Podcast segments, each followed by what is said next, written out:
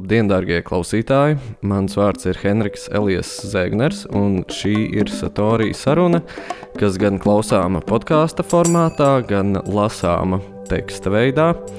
Un e, šajā sarunā mēs esam tikušies ar Igoru Gubenko.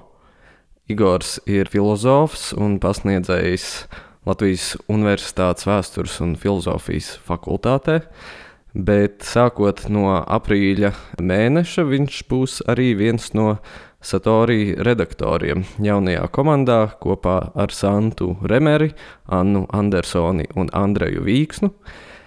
Un tad šī saruna ir tāda kā iespēja nedaudz iepazīties, iepazīstināt ar Igoru, jūsu klausītāju, lasītāju, un uh, iepazīties arī droši vien mums savā starpā un vienkārši papļāpāt par būtisko. Čau, Igor! Čau, Henrika! es domāju, ka varētu sākt mazliet ar tieši to pasniegšanu. Man šķiet, tas varētu būt tāds labs atspēriena punkts. Vai arī pirms tam es varbūt varu vēl pajautāt, vai tie ir īstie tituli, filozofs un pasniedzējs, vai tās ir tās galvenās lietas, vai ir vēl kaut kas, ko vajadzētu piebilst klāt? Diezgan centrālas, bet nevienīgās. Es domāju, man pašam ir interesanti vērot, kā šī mana filozofiskā aktivitāte teiksim, izvēršas dažne dažādās jomās un formātos, bet akadēmiskā vide ir laikam nu, tā sākotnējā telpa, kuras esmu kā profesionāli sevi pierādījis un turpinu to darīt. Un, attiecīgi, nu, arī mana reputācija publiskā laikam pirmām kārtām saistās ar šo manu akadēmisko lomu. Tā kā es no tās eh, necenšos eh, distancēties. Bet akadēmiskajā lomā tu primāri esi pasniedzējis vairāk nekā pētnieks. Īstenībā drīzāk nu, varētu teikt par vienu trešdaļu pasniedzējs, par divām trešdaļām pētnieks. Vienkārši tā pētnieciskā aktivitāte var būt nav tik uzskatāma, iespējams, jā, nu, tāpēc ka tā manifestējas publikācijās galvenokārt, kuras nav tās, teiksim, populāru zinātniskās. Jā, arī šādas publikācijas, kurās tā, plašākai sabiedrībai kaut kas tiek stāstīts, bet primāri tie ir tātad, specializēti žurnāli, kuros notiek tie pētījumi par tēmām, tiek publicēti, ar kurām varbūt es arī neasociējos primāri. Mhm. Jā, jo tur, eh, zinām, ir tā neparedzamība zinātnes laukā, ka mm, teiksim, iegūt finansējumu projektam nereti tas ir tāds nu, loterijas tipa veiksme, un tāpēc tie projektu pieteikumi tiek rakstīti par nu, dažādām tēmām, tad kaut kādā brīdī tu attopies pētām, ja kaut ko var būt, kas nav bijis tavs sākotnējais jā, pētījuma objekts gadu garumā. Un tad savukārt fakultātē tu pasniedz vēl kaut ko nedaudz citu, tāpēc, ka tur ir studiju programmas vajadzības.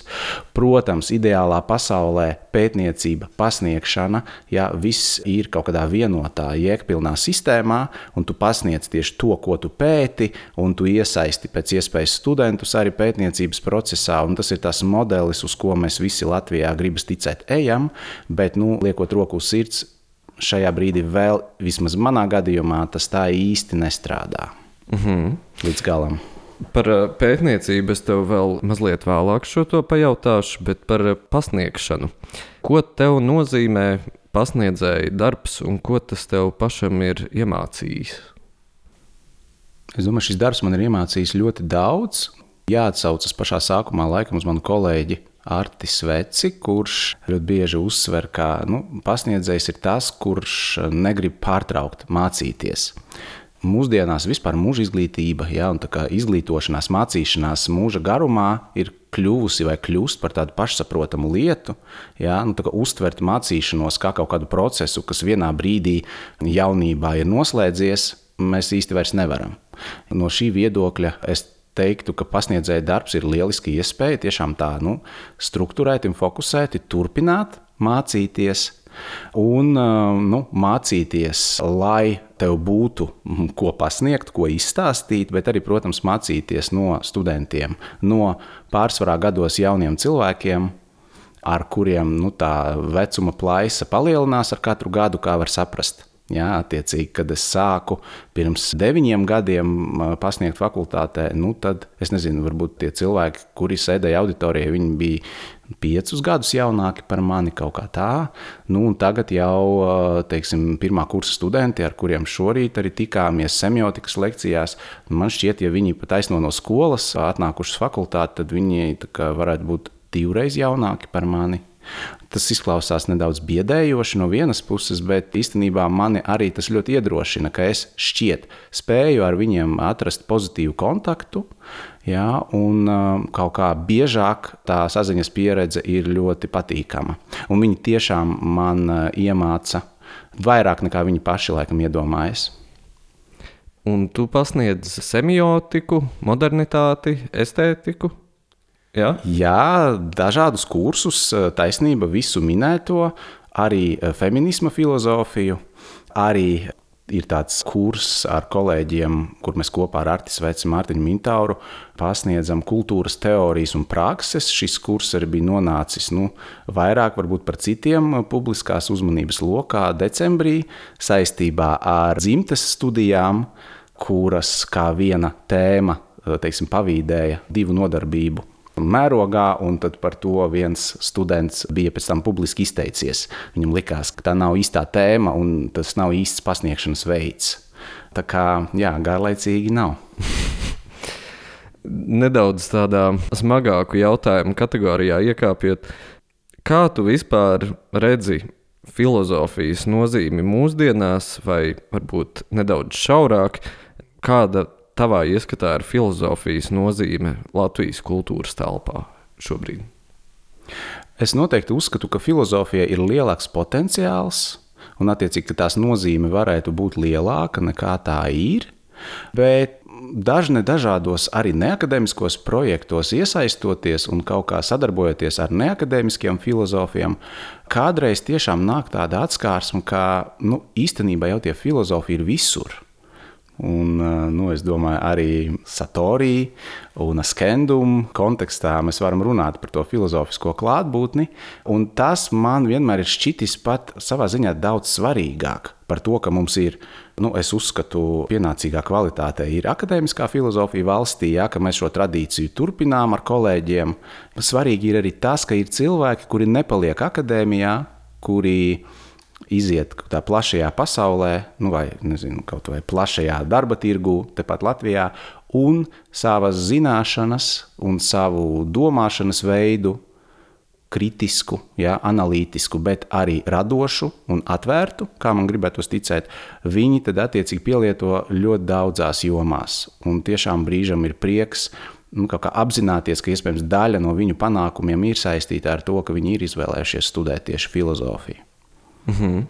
Vai akadēmiķu un pētnieku darbs Latvijā šobrīd ir pietiekami pārstāvēts un pietiekami redzams arī teikt, publiskajā telpā? Vai tas, kas notiek pētniecībā, nokļūst līdz plašākām diskusijām un sabiedrības apziņai, kā tev šķiet?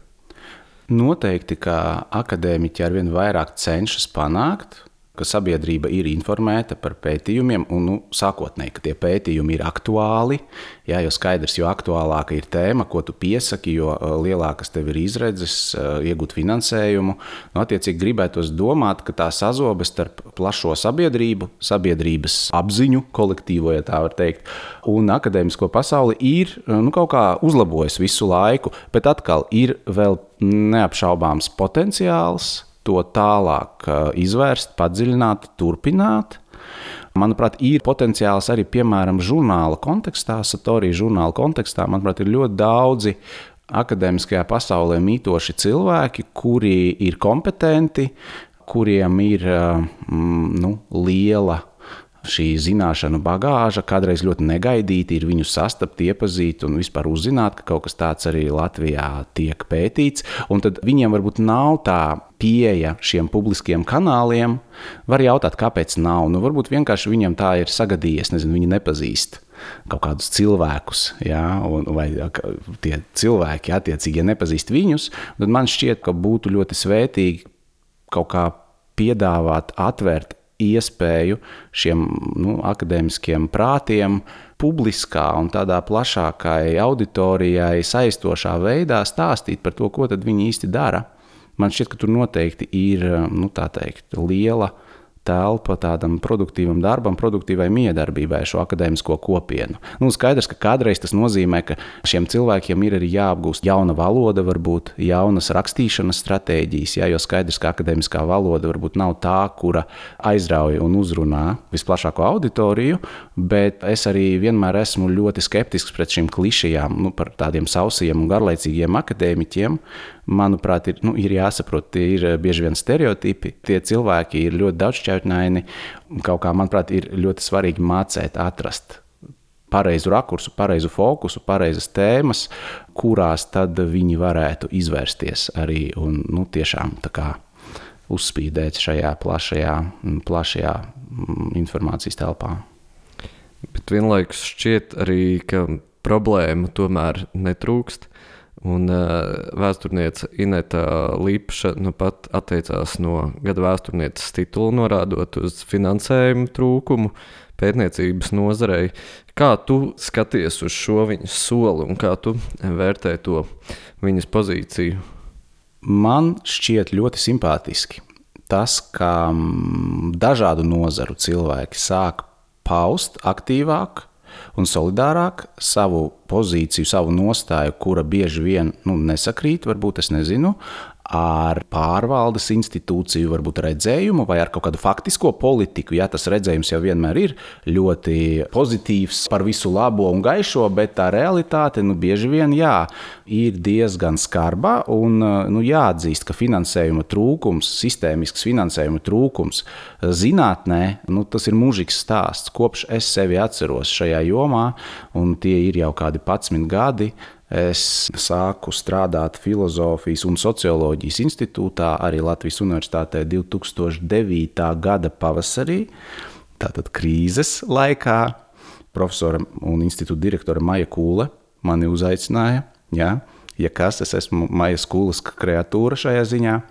Kopš tā laika, kad nogrieza ļoti strauji nogrieza finansējumu tieši krīzes kontekstā, ja, tad, manuprāt, mēs līdz galam neesam arī atkopušies. Un skaidrs, ka runa nav tīri par kaut kādu kvantitatīvo finansējuma trūkumu, bet varbūt arī par tiem modeļiem, kā tas tiek distribuēts, uz kādiem principiem un tam līdzīgi. Nu, es kā tādu akūtāko, ja mēs runājam par niansēm, es teiktu, akūtākā problēma, protams, ir bāzes finansējuma trūkums. Attiecīgi, ja tu strādā pētniecības iestādē, institūtā, tad tu vari rēķināties, ka tev būs kaut kāds reāls atalgojums, ja tu esi iesaistīts arī projektos. Tas ir saprotami. Cilvēkiem ir jābūt motivētiem šajos projektos iesaistīties un startēt konkursos un vinnēt un atnest finansējumu. Bet nav, nu, nav pareizi, ka situācijā, ja pēkšņi tev nav projekta, ja piemēram tu neesi vinnējis konkursā, tad sanāk, ka tavs atalgojums ir nu, nezinu, 150 eiro vai 200 vai kaut kas tam līdzīgs.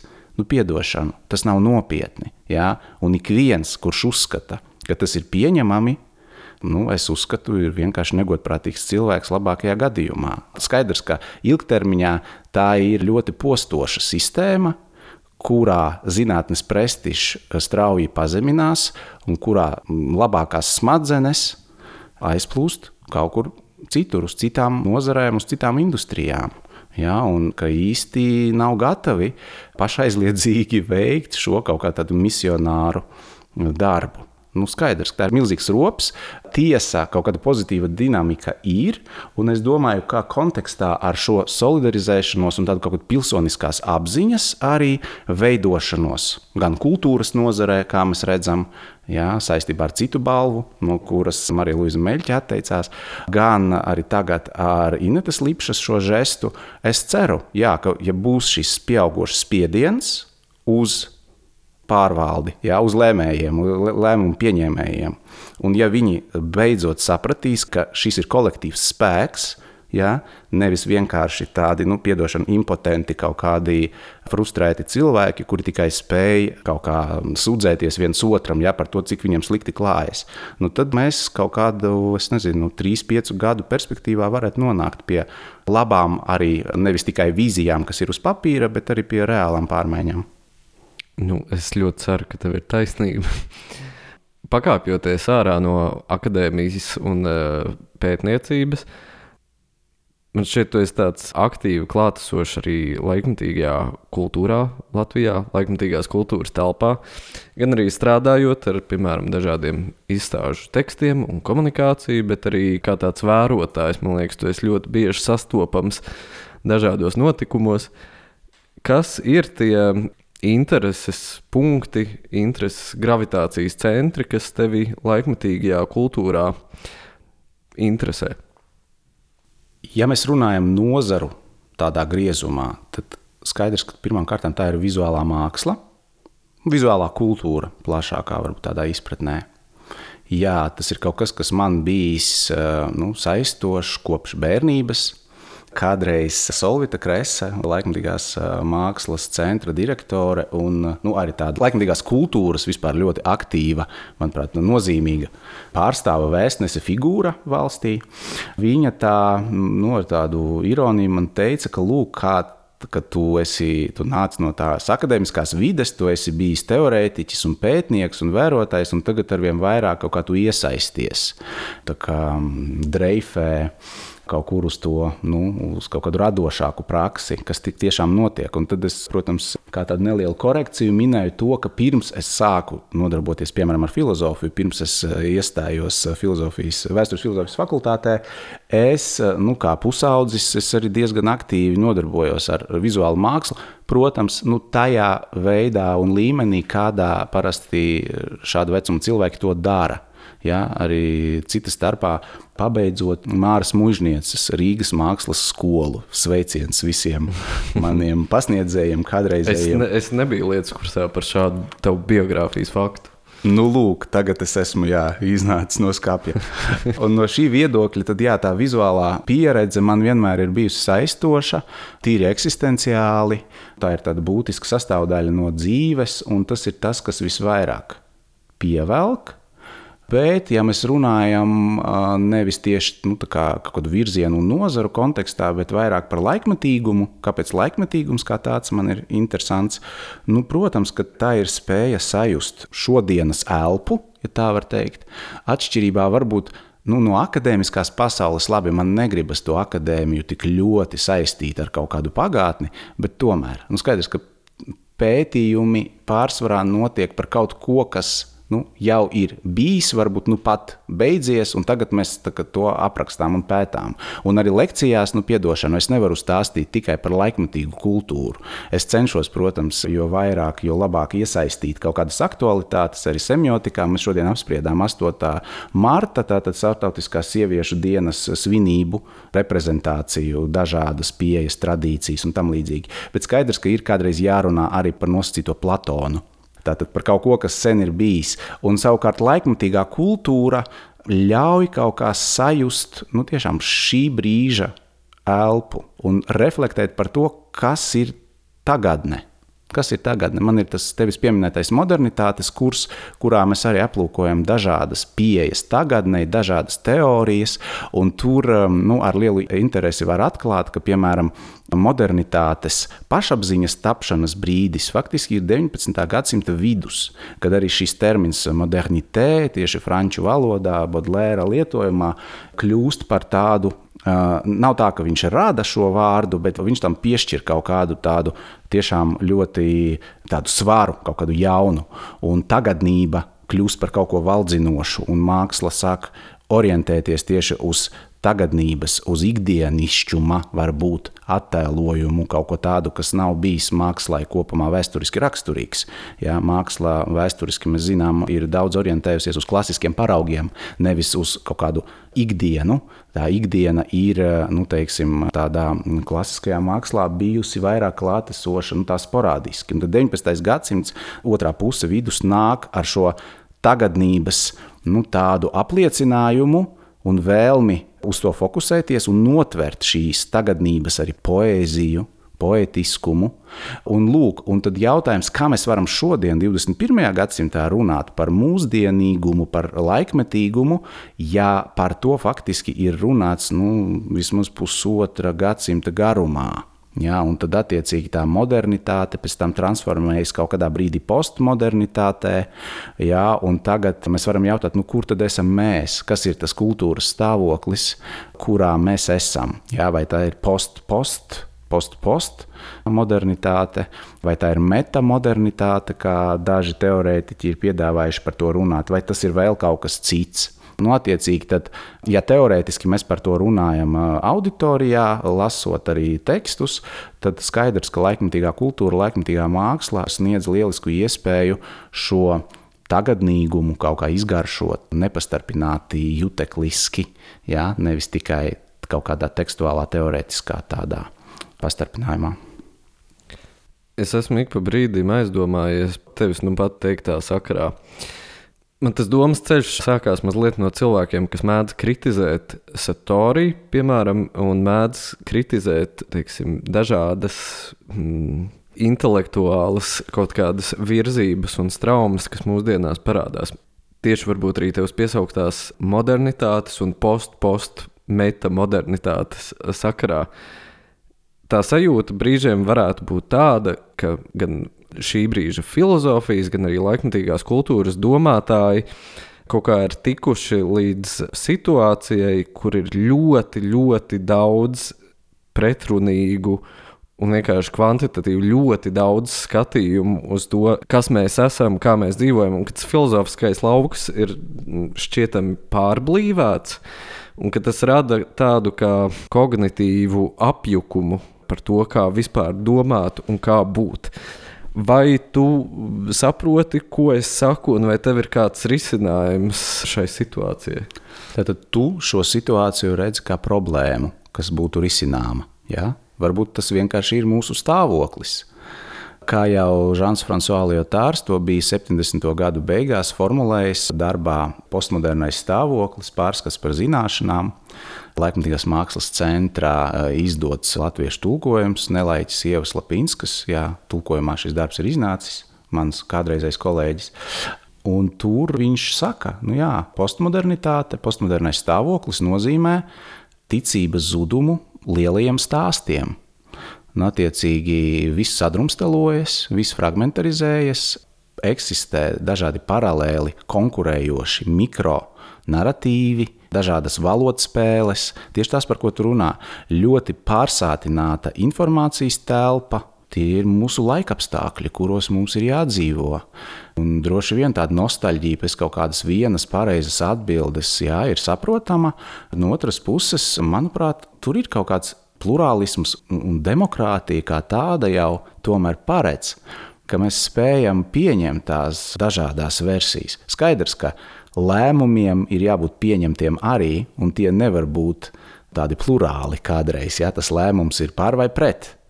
No šī viedokļa ir jāizšķiras par kaut kādu versiju, arī nu, valsts mērogā bieži vien. Bet tas, ka mēs dzīvojam tādu domstarpību, nerisināmu domstarpību, nesamierināmu kaut kādu pretrunu pasaulē, Manuprāt, nu es drīzāk cenšos kaut kā ar to samierināties. Skaidrs, ka tur ir sarkanās līnijas, jā, nu, un attiecīgi domstarpības, kuras pārauga naida izraisīšanā, kaut kādā nu, vardarbības, aicinājumos uz vardarbību un tā tālāk. Skaidrs, ka tas viss nav pieņemams un tas ir sodāms un nosodāms. Bet citādi es nezinu. Arī teiksim, nu, fakultātē pie mums, ja mēs runājam, nu, mums arī ir tādi vairāk liberāli, progresīvi liberāli, orientēti, jā, mācību spēki ir vairāk konservatīvi. Un kopumā ņemot, man jau šķiet, ka tas ir uz labu. Ka mm. mums nav kaut kādas vienas doktrīnas, jā, kuru mēs tur klāstam, kā tieši minētais students Edvards Krusts, viņš man bija pārmetis, ka es tur kā politruks kaut ko tā ļoti dogmatiski klāstu. Nu, Pirmkārt, tā nav. Bet pat ja ir, pat ja es kļūdos un tiešām es tā daru, lai gan es tā nedaru, pat tad nu, es esmu viens no daudzajiem un viens no dažādajiem. Un, attiecīgi, nu, tas, ka ir šī polifonija, piemēram, konkrētajā mikrokosmā, kas ir šī mūsu vēstures filozofijas fakultāte, tas, manuprāt, arī ir lieliski. Savā ziņā varbūt slikti ir tas, ka nav vienas skolas kaut kādas, nu, kādreiz, piemēram, kāda universitāte, fakultāte varētu būt pazīstama ar konkrētu virzienu. Pie mums tā ir bijusi fenomenoloģija ilgu laiku, kopš faktiski jau 80. gadiem.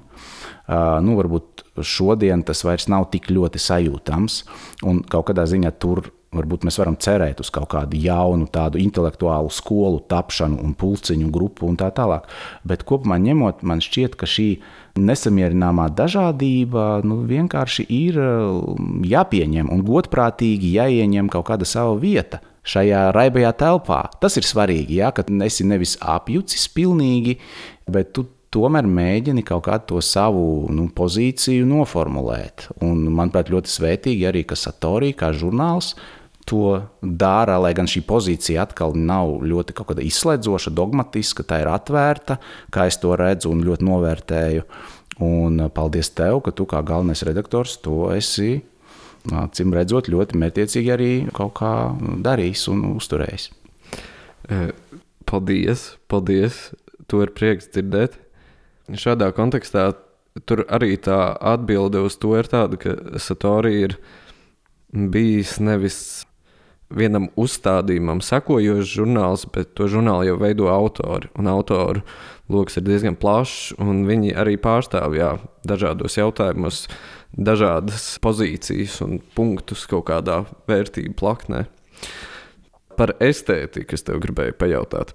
Tu viņu pasniedz, tas ir viens punkts. Otrs ir tas, ka tu viņu acīm redzot arī jūti un meklē uh, laikmatīgajā mākslā Un mani ir nodarbinājis jautājums par estētikas nozīmi ne tikai cilvēku individuālajā dzīvē, bet arī par estētikas nozīmi, piemēram, sabiedrībā. Kāpēc estētika ir svarīga gan tādā plašākā mērogā, gan tev personīgi? Par šo pirmo plašo jautājumu man jau ļoti sen ir iecerēta publiska lekcija, kuru Iesais Berlīna centrs bija izziņojis pagājušā gada martā. Respektīvi, izziņojis februārī, tai bija paredzēts notikt marta sākumā, bet saprotamu iemeslu dēļ mēs to nolēmām atcelt. Un tad, diemžēl, karš turpinās, bet kaut kā, kā es esmu sapratis, pārunās ar biedrību, varbūt pārskatāmā nākotnē tā lekcija tomēr varētu notikt un tas eh, fokusā tieši būtu gaumes jēdziens. Nu, un, attiecīgi, gaume kā spēja spriest par skaisto, ja, un spēja izjust skaisto. Un cita starpā es tur biju paredzējis runāt par šo gaumes sociālo un arī politisko dimensiju. Tad es varbūt tādu, tādu intrigu paturēšu šo teiksim, aicinājumu apmeklēt vēl pagaidām konkrēti nenorunāto eh, lekciju. Taču īsumā, nu kā cilvēki ir ķermeniskas būtnes. Mēs esam iemiesoti, pagaidām vēl. Jā, es nezinu, varbūt nākotnē kaut kas mainīsies. Cilvēks augšuplādē savas smadzenes un kādā citā nebioloģiskā nesējā un tā tālāk. Mēs par to visu varam arī domāt ne tikai kā par fantastiku vai murgiem, bet kā par kaut kādu nu, iespējamo attīstības, mākslīgā intelekta, arī attīstības perspektīvu. Bet pat labāk šajā mūsu vēstures posmā mēs esam ķermeniskas būtnes, mēs esam dzīvnieki vispār. Ja? Neaizmirsīsim par to, ka dzīvnieks nav kaut kas atšķirīgs no cilvēka. Cilvēks ir arī dzīvnieks, noteikta suga. Jā, jā, jā. Mēs esam, nu, protams, primāti, vai ne? Un ko tas nozīmē? To, ka mums ir ķermenis, tas, ka mums ir ķermenis, nozīmē, ka mums ir arī sajūtas, jā, mēs esam sajūtoši. Un estētika vispār kā termins senajā Grieķijā rodas tieši piesaistē šim jutekliskumam, jutekliskais sajūtu pieredzei. Ja? Aiztēsis ir sajušana. Senajā Grieķijā netop pati disciplīna, tā rodas krietni vēlāk, 18. gadsimtā apgaismības Eiropā, bet pati ideja par šo sajūtamo pasauli un sajūtu juteklisko pieredzi, tā ir estētikas pamatā. Un kas vēl ir svarīgi, tās sajūtas nav tīri neitrālas. Noteiktas sajūtas mums arī var asociēties ar sāpēm, un noteiktas citas ar baudu. Ja, attiecīgi, estētika runā par tāda veida juteklisku pieredzi, kura saistās ar īpaša veida patiku, jeb baudu, nu, estētisko baudu. Nu, protams, estētika var runāt arī par pretējo, par sāpēm un ciešanām un par nepatiku, ko var raisīt noteikta pieredze, ja, arī mākslas pieredze. Ja māksla var būt arī neglīta, māksla var būt aizskaroša un tā tālāk. No šī viedokļa es domāju, ka vispār cilvēcisks pamats, es neticu, ka tur ir tāds vispār cilvēcisks pamats, bet kaut kāds ideja par to, ka mēs visi esam ķermeniskas būtnes, mirstīgas, galīgas, mēs visi spējam ciest un esam nu, nolemti ciešanām dzīves laikā. Ja? Reti kuram palaimies pilnīgi no tām izbēgt. Bet mums ir arī šī baudas iespēja. Un tā, tās baudas var būt dažādas. Ja? Nu, kādam garšo labs vīns un labs ēdiens, man arī. Bet ne tikai māksla Un vispār plašāk, arī daba, jo galu galā estētika nav tikai par mākslu. Ja? Estētika, estētika arī ir par sadzīvi, varbūt par dzīvi. Ja? Dzīve var kļūt arī kopumā par estētisku piedzīvojumu, ja? un, un nezinu, cilvēks pats var kļūt par mākslas darbu, kā Dendī to centās iemiesot 19. Eh, gadsimtā un tā tālāk. Nu, vienmēr sakot, tā, tas ir tāds milzīgs pieredzes domēns, piedošana par šo vārdu, tāda kā dzīves Eh, dimensija, kuru daži varbūt izkopj. Un, nu, vispār, tā ir saistoša dažiem vairāk, citiem mazāk. Man kaut kā šķiet, ka tas ļoti bagātina. Tas bagātina dzīvi un arī nu, padara to mazāk garlaicīgu. Jo garlaicība jau ir tas, kā Nīčs teica, ar ko arī dievi cīnās veltīgi. Skaidrs, ka iespēja izdzīvot vairāk nekā tikai savu dzīvi, iespēja sastapties ar citu cilvēku pieredzi un ar radošu, ar tādu cilvēku pieredzi, kuri ir spēj, bijuši spējīgi radoši kaut kā artikulēt šo pieredzi un to teiksim, mākslas darbu formā, dzīslas teksta formā, kaut kā piedāvāt.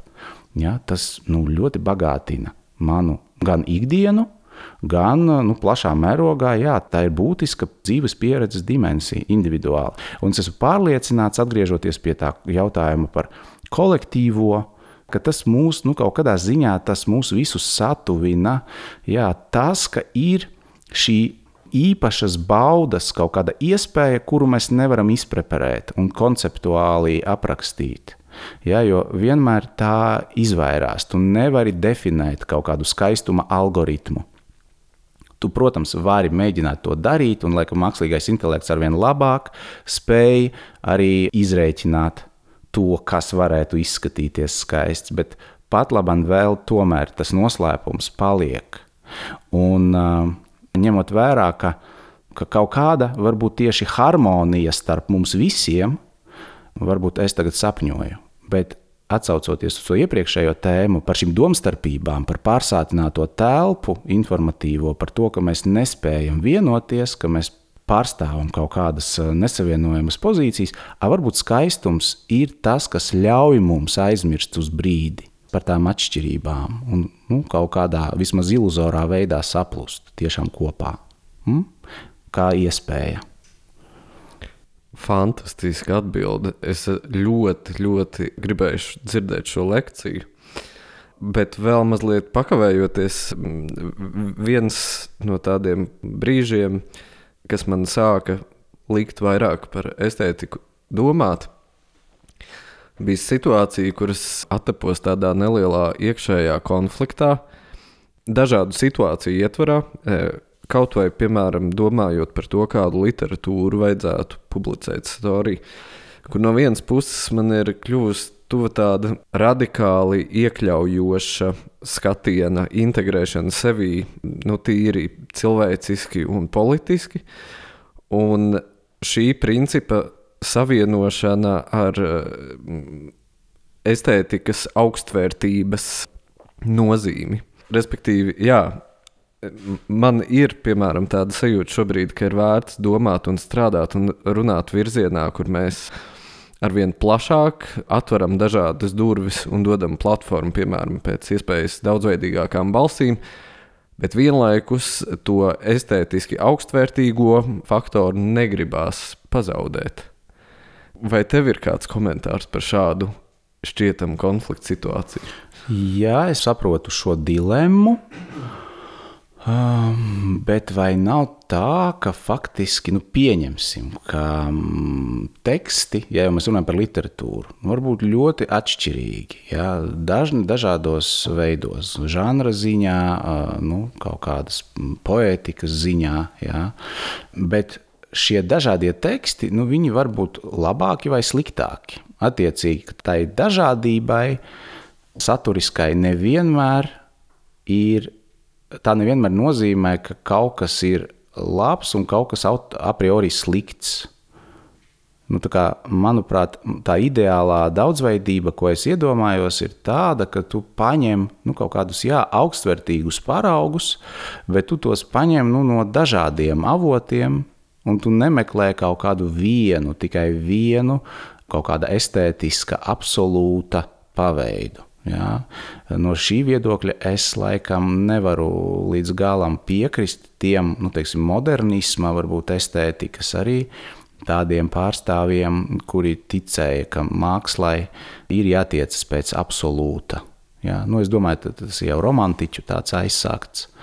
Tā ideja par mākslas kaut kādu pār, tieši pārjuteklisko sūtību un tā tālāk.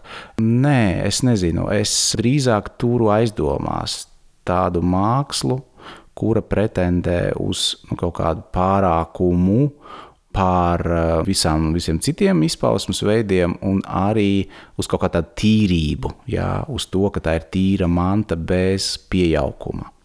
Man tomēr šķiet, ka šīs augstās un zemās kultūras, augstās zemās mākslas laikmets, ja tāds jebkad ir bijis, nu, man šķiet, mēs īsti vairs tajā nedzīvojam. Un, nu, teorētiski jebkas var atrast sev vietu muzejā. Es tagad arī piedalos vienā ļoti interesantā projektā, par kuru es nevaru vairāk laikam stāstīt publiski, bet uz kura atklāšanu es jūs arī aicinu nākamā gada aprīlī. Informācija sekos. Un tur, attiecīgi, kādreiz, es nezinu, ja manas atbildes šajā brīdī izklausās pārāk abstraktas, nekonkrētas, tad varbūt tajā izstādē, nu, mēs runājam par mākslas izstādi, iespējams, vismaz daļēji kaut kā tās atbildes iegūst tādu konkrētu tību, un tad varēs spriest un vērtēt un konstatēt, vai ir iespējams apvienot dažādību, teiksim, nekompromitējot kvalitāti.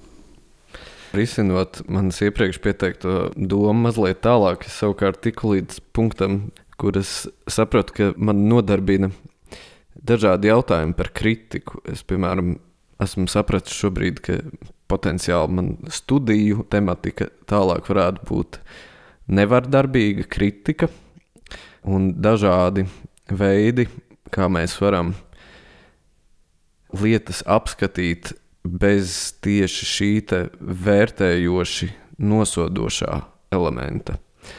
Bet kas tavuprāt ir laba kritika kultūrā šobrīd, mūsdienās? Kas ir labas kritikas principi?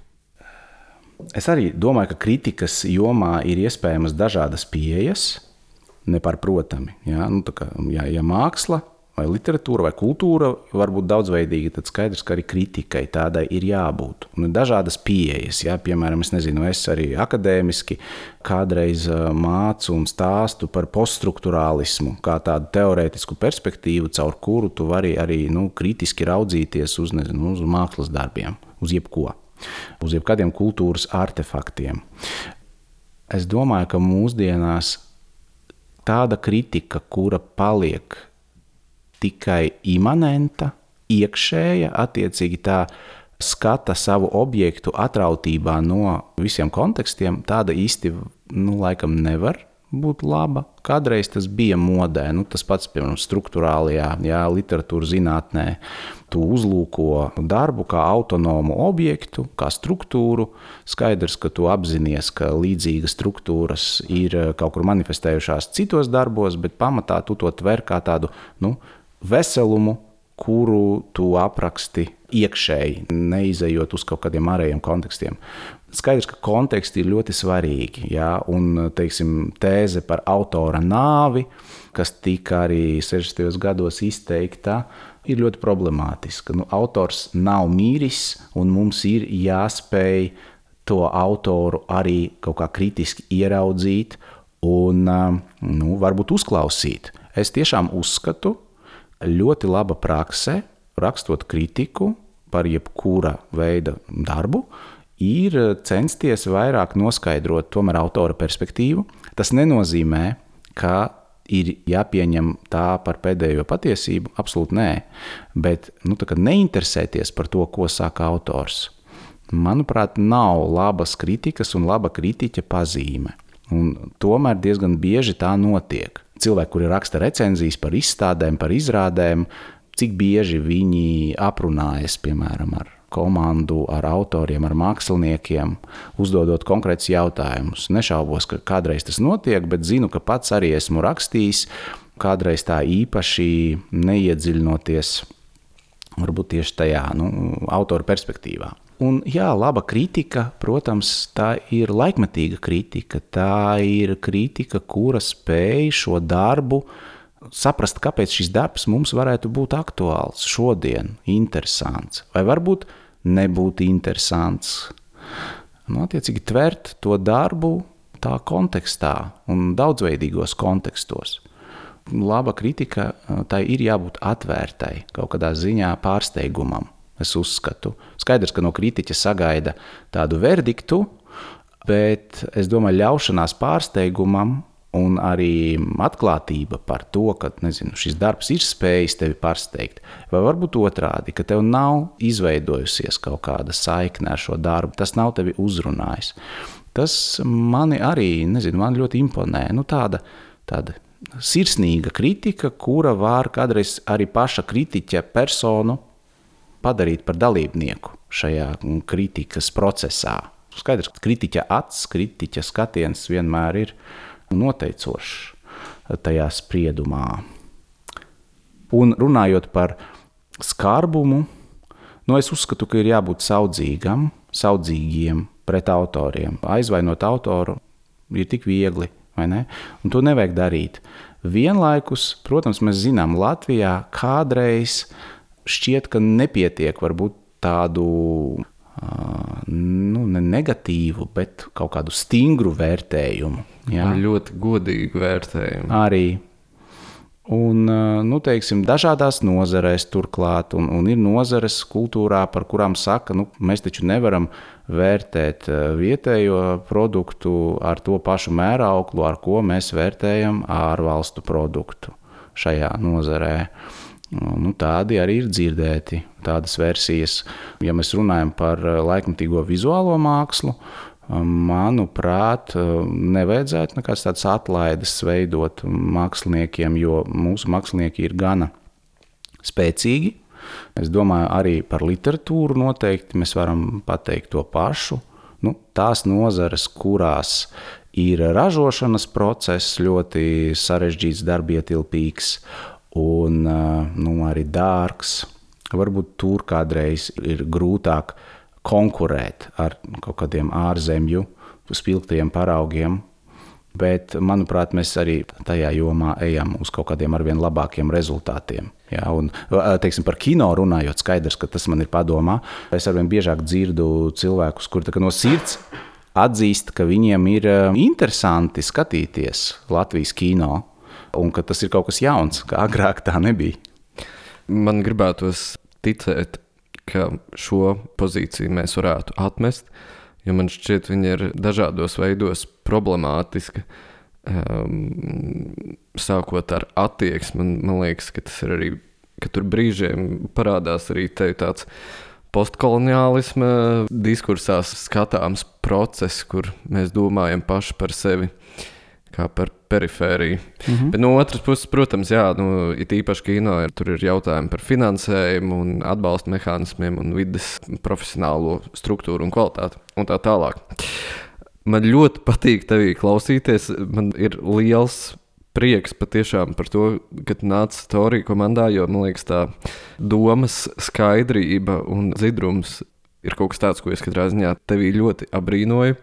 Bet es gribētu pavaicāt par Satoriju, bet nevis tā teikt, pieprasot kaut kādu manifestu vai vīziju no tevis, bet drīzāk komentāru par to, kā tu redzi Satorija nozīmi šobrīd Latvijas kultūras ainavā un kādu tu redzi potenciālu Satorija ir uh, svarīgākais kultūras medijs, kā es to redzu. Es tagad nerunāju balstoties statistikās, ciparos, bet nu, savā percepcijā. Un, nu, manuprāt, potenciāls, ka jau vienmēr ir izaugsme, jā, jo, ja tu pārstāji augt, tad tu sāc stagnēt. Bet man šķiet, ka pa šiem daudziem gadiem mm, 20 gadiem, mhm. -huh. ja es pareizi skaitu. Ja? Tiešām nu, tas žurnāls ir izvirzījies pārliecinošā līderībā, līderu pozīcijās. Un man ļoti patīk, ka saturā tiek iztirzētas faktiski ne jau tikai kultūras jautājumi un tēmas. Un, nu, manuprāt, tiešām tā dažādība un atvērtība, par ko tu iepriekš arī minēji, un uzticēšanās autoriem, kā princips, man šķiet, ka tie noteikti būtu jāpatur spēkā. Un nu, kaut kādā ziņā es neredzu vajadzību pēc kaut kādām vērienīgām pārmaiņām. Respektīvi, manuprāt, arī tavs termiņš galvenā redaktora amatā. Ir bijuši četri gadi, pareizi. Jā, tiešām ir bijis, manuprāt, ļoti, ļoti veiksmīgs visos aspektos. Un uh, es absolūti neredzu. Vismaz tagad no ārpuses, lielā mērā vēl skatoties, kaut kādu vajadzību kaut ko steidzami risināt un uzlabot. Attiecīgi, Skaidrs, ka kaut kā tas saturs mainīsies, gribot, negribot, ienākot jauniem cilvēkiem, bet es domāju, ka tas tiešām ideālais modelis varētu būt, ka tie lasītāji, kuri personālijām neseko, ka varbūt viņi arī nepamana, ka kaut kas ir mainījies, tāpēc ka viss tiešām ir bijis tik labi. Jā, es no, no sirds tam ticu, man ir bijis tas gods būt arī tādam diezgan regulāram Satorija autoram. Un tā sadarbība ar tevi kā redaktoru ir bijusi vienmēr ļoti patīkama. Labi, labi. Vismaz es, no manas es, es puses. Es pārtraukšu tavus komplimentus, par kuriem esmu pateicīgs, bet varbūt ar pašu fināla jautājumu šajā kontekstā vēl. Kas ir tas, kas Latvijas publiskajā telpā, informatīvajā telpā, tavuprāt, pietrūkst un ko tu gribētu redzēt vairāk?